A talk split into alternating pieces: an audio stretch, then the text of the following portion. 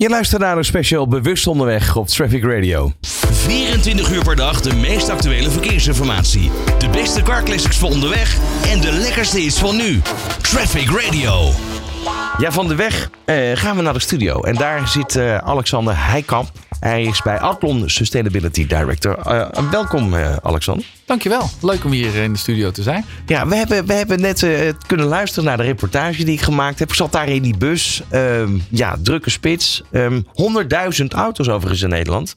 Dat zijn auto's van Adlon. Ja, niet alle auto's in Nederland zijn van Adlon, hè? helaas. 100.000 Maar- auto's die maar- daar rondrijden. Ja, maar 100.000 is inderdaad het behoorlijk getal wat. wat Ja. bij ons in de vloot rondrijdt. En dat is behoorlijk. En dat brengt ook een verantwoordelijkheid met zich mee, vinden wij. Want auto's op de weg zetten is één. Maar eh, de veiligheid en het veilig gebruik van die auto's... Ja, daar vind ik echt eh, een, maatschappelijke impact... die we als Adlon, als provider van die auto... ook echt wel hebben. Ja, daar gaan we het zo uitgebreid over hebben. Even maar de, het bedrijf Adlon aan zich in Nederland. Jullie hebben 500 medewerkers. Ja. En eh, bestaan al heel lang eigenlijk. ja, ruim 100 jaar. Eh, dus we hebben behoorlijk wat ervaring eh, met wielen. En ook heel veel ervaring met het verduurzamen van die mobiliteit. Dat is natuurlijk de laatste paar jaren eh, behoorlijk eh, op de agenda van elk bedrijf. Ja, maar dat is niet zomaar op de agenda gekomen. Hoe ging dat bij Adlon eigenlijk? Want bedoel, vaak moest dat toch iets gebeuren. Wil men wakker worden, toch? Ehm, ja, men is dan de klanten, hè? Onze, onze klanten in, in, in Nederland. Eh, ik denk dat wij hebben geholpen om de klanten wat wakker te maken. Eh, we hebben een jaar of zes geleden al besloten dat duurzaamheid echt niet weg te denken is in onze strategie. En duurzaamheid, het gaat niet alleen over elektrificatie van eh, auto's, hè, waar je als eerste aan denkt bij een leasemaatschappij. Maar voor ons is het ook een strategische keuze om te zeggen, verkeersveiligheid is daar eh, wezenlijk onderdeel van. Dus we hebben zes jaar geleden zelf besloten om iemand verantwoordelijk te maken als Sustainability Director. Nou, dat was ik dan.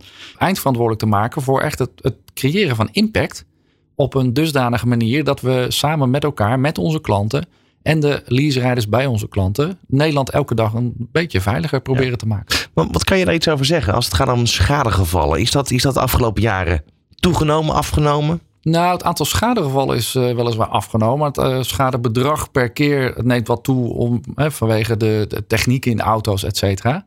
Maar ik zou veel liever willen hebben over het aantal ongevallen en het, het, het Maar daar gaan we zo meteen naartoe. Maar ik ben toch even benieuwd. Want ehm, bedoel, daar begint het natuurlijk bij. Dat je je auto's eigenlijk, eh, je, je wagenpark op de weg hebt. Dan aan de hand van cijfers wordt er gekeken van wat moet er gebeuren. Nou, heel duidelijk is geworden dat we op een bepaald moment vanuit dat mobieltje maar niet konden laten liggen. Eh, dat daar eh, veel ongelukken gebeuren. En dat gebeurt niet alleen in Nederland, maar dat gebeurt natuurlijk ook Frankrijk, eh, Duitsland, omringende landen. Maar eigenlijk ook, ja precies, heel Europa. Ehm, maar dan moet je op een bepaald moment moet je een gedragsverandering weten toe te passen. Eh, maar dan heb je bijvoorbeeld ook de komst van elektrische auto's.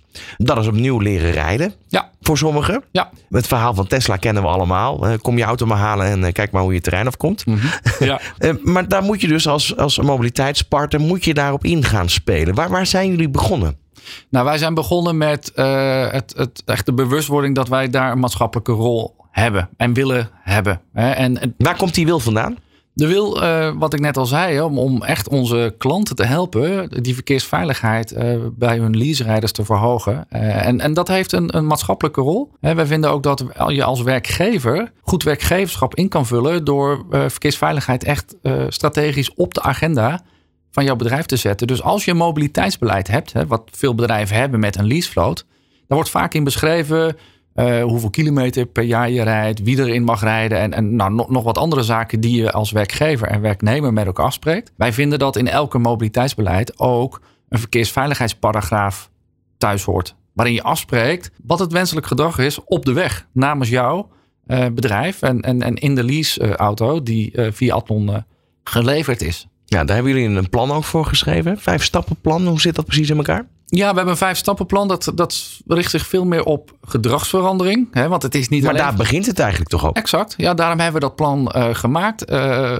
waarbij we eh, een aantal dingen combineren. Dus de komst van elektrische auto's. het, belang, het toenemend belang van verkeersveiligheid. Maar ook het verminderen van uitstoot. Dus dat vijf stappenplan. Dat is eigenlijk een hulpmiddel die elke werkgever in kan zetten. Als je een strategie wil ontwikkelen. Hè, de eerste stap in die vijf stappenplan is. Moet je eigenlijk wel reizen vandaag? Nou, corona heeft ons geleerd dat dat vaak niet per se hoeft. Stap 2. Als je dan reist, moet je dan per se met een auto rijden? Of is het openbaar vervoer of een fiets, een e-bike ook een alternatief? Ja, want dat duurzaam verhaal, dat heeft Atlon dus ook doen bewegen. Om eigenlijk primair niet alleen maar bezig te zijn met een, een wagenpark. Mhm. Maar ook te kijken naar andere mobiliteitsvormen, toch? Klopt, ja, vandaar die eh, stap 2 heel doelbewust eh, voor stap 3. Want stap 3 is als je dan toch voor die auto kiest, maak eh, dan wel gebruik van een volledig elektrische auto. Zodat je geen eh, uitstoot hebt gedurende je reis. Maar goed, dat is makkelijk. Maar kan iedere werkgever dat zich veroorloven? Ja, eh, ik zeg ja, omdat inmiddels is het zo, zo dat de TCO, de Total Cost of Ownership, in veel gevallen positief uitvalt voor de elektrische auto in plaats van een brandstofauto. Eh, geheel afhankelijk van waar je laat, hoe je laat en, en hoe je daarin zit. Maar ik durf te zeggen ja, voor elke werk- werkgever is dat mogelijk. En dan komt stap 4 in dat vijf stappen mobiliteitsplan. Als je dan rijdt of reist, reis dan wel veilig. Nou, daar hebben we allerlei oplossingen voor ontwikkeld. Omdat als je dat in een stappenplan deelt met jouw klanten, dan moet je ook invulling aan kunnen geven. En last but not least, stap 5. Als je dan toch nog iets van uitstoot hebt gedurende jouw reis, overweeg dat dan om dat te herinvesteren in CO2-certificaten. Zodat je de uitstoot die je hebt toch nog op de een of andere manier compenseert. Maar die stap 4 is denk ik voor deze podcast heel erg van belang. Dat is voor deze aflevering zeker belang, Ja. eh, van belang. Daarom ben je ook hier. Ik bedoel, we hebben de reportage net kunnen horen waarmee ik eh, ja, gekeken heb hoe de politie eigenlijk bezig is om ja, toch eh, mensen er bewust van te maken. Mhm. Het zij wel dan niet met een boete. Ja. Maar goed, dit is wel het verhaal, gedragsverandering. Dat is waar we nu staan. Ehm, hoe kan je dat blijven monitoren als mobiliteitsaanbieder? Nou, best wel goed eigenlijk. Eh, want ook wij, eh, net als de andere eh, partners in deze keten en in deze podcast, richten ons op bewustwording. Bewustwording en bewust bekwaam maken van mensen in de auto, geleverd door Atlon. En hoe doe je dat? Bijvoorbeeld de online trainingen. We hebben een Atlon e-driver module ontwikkeld samen met een partner, waarbij we eens in de zes weken een korte verkeersveiligheidsmodule eh, ter beschikking stellen aan elke leaserijder. Dat betekent dat ze elke zes weken even weer top of mind krijgen. Wat zijn de gevaren Is dat verplicht? Eh, dat is afhankelijk van de werkgever. Hè? Hoe, hoe strak een werkgever daarin zit. Wat mij betreft zou dat verplicht eh, moeten zijn. Maar niet elke werkgever is nog zover. En dat Maar wat, wat krijgen ze dan top of mind? Dat ze hun mobieltje niet mogen gebruiken of dat ze geen boterham mogen eten? Eh, beide. Eh, daar gaat uiteraard nog veel verder. Dat ze het mobieltje niet eh, gebruiken. Wat zijn de gevaren daarvan? Maar ook, ehm, wat is dan eigenlijk eh, de focus op de weg? Wat zie je eigenlijk? Maar vooral ook, wat zie je niet als je onderweg bent? Dat maakt je bewust dat je heel veel niet ziet. En dat je daardoor echt je aandacht alleen maar op, op het verkeer moet hebben. Maar dat gaat ook soms terug naar toen we het rijbewijs haalden. De verkeersregels, de verkeersborden. Weet je nog precies welk verkeersbord wat betekent en hoe je je moet gedragen? Maar het gaat ook over de combinatie die elektrische auto. Dat is misschien wel echt anders rijden. Maar hoe doe je dat dan precies? Hoe zorg je ervoor dat als je die elektrische auto rijdt, stap 3, het mobiliteitsplan, dat je ook eh, slim gebruik maakt van het regenereren tijdens het remmen en daarmee je batterij weer oplaat en zoveel mogelijk actieradius krijgt. Dat gaat ook over nou, het gebruik van mobieltjes in de auto en welk effect dat dan heeft. Dus een, een, eigenlijk best wel een, een gevarieerd programma. Eens in de zes weken online, omdat sommige werkgevers zeggen: Nou, wij willen vooral heel erg eh, werken aan die bewustwording door middel van opleiding. Aanvullend hebben we ook samenwerkingspartners die fysieke rijtrainingen geven, echt op de weg of op een eh, trainingscenter met een instructeur naast de berijder. Soms in eigen auto, soms in de auto van, van eh, de instructeur. En de, de instructeur één op één geeft jou tips en tricks wat hij ziet, wat anders kan, wat beter kan. We hebben dat onlangs met eh, 150 klanten gedaan. Ja, razend enthousiast. Ja. En daarmee start je een soort beweging binnen je klantenkring. Die zegt van ja, maar ik ben me nu veel bewuster van mijn rijgedrag en maar ook de gevaren. Merk dat je- wil ik delen met mijn eh, collega's. Merk je daar nog een verschil tussen eh, mensen die veel meer kilometers maken dan andere leaserijders? Eh, weet ik niet, heb ik geen antwoord op. Nee. Ik kan me voorstellen dat als je eh, continu op de weg bent, dat het een bepaalde gewoonte er sneller insluipt dan dat je iedere keer korte ritjes maakt. Ja, de tegenhanger daarvan, als je niet zo heel veel rijdt, dan eh, ben je niet zo heel erg ervaren en heb je nog niet zo heel veel meegemaakt onderweg. Vandaar dat ik zeg dat dat weet ik niet zo goed.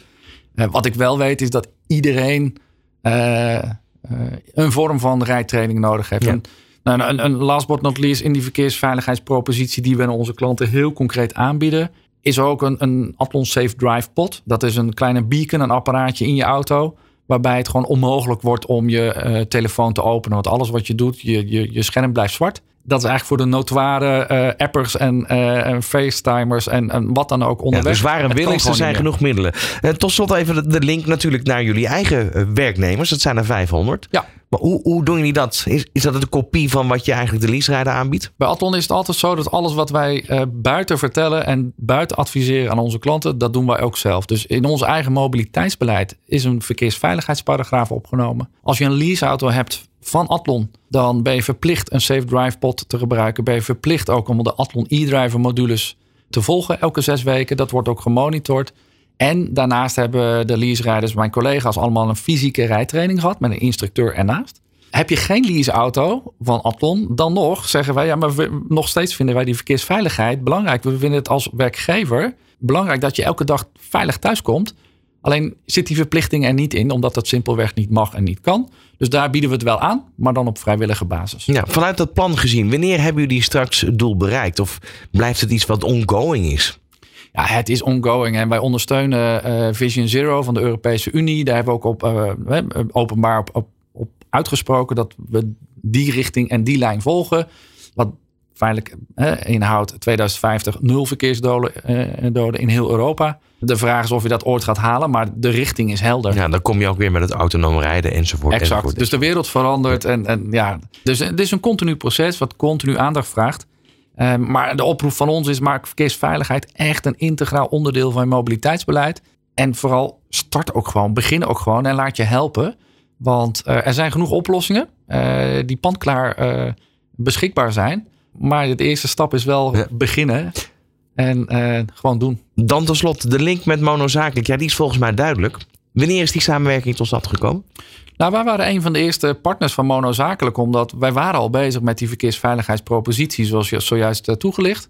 En uh, wij werden benaderd door monozakelijk. En ja, dat, we hadden dezelfde visie, dezelfde ambitie op het gebied van monozakelijk. sloot ook heel erg aan bij onze jarenlange samenwerking met Veilig Verkeer Nederland. Dus ja, voor ons was het een no-brainer om uh, direct aan te sluiten. Fijn dat je hier was. Dankjewel. Alexander Heikamp van Atlon. Dankjewel. Always on the road. Traffic Radio.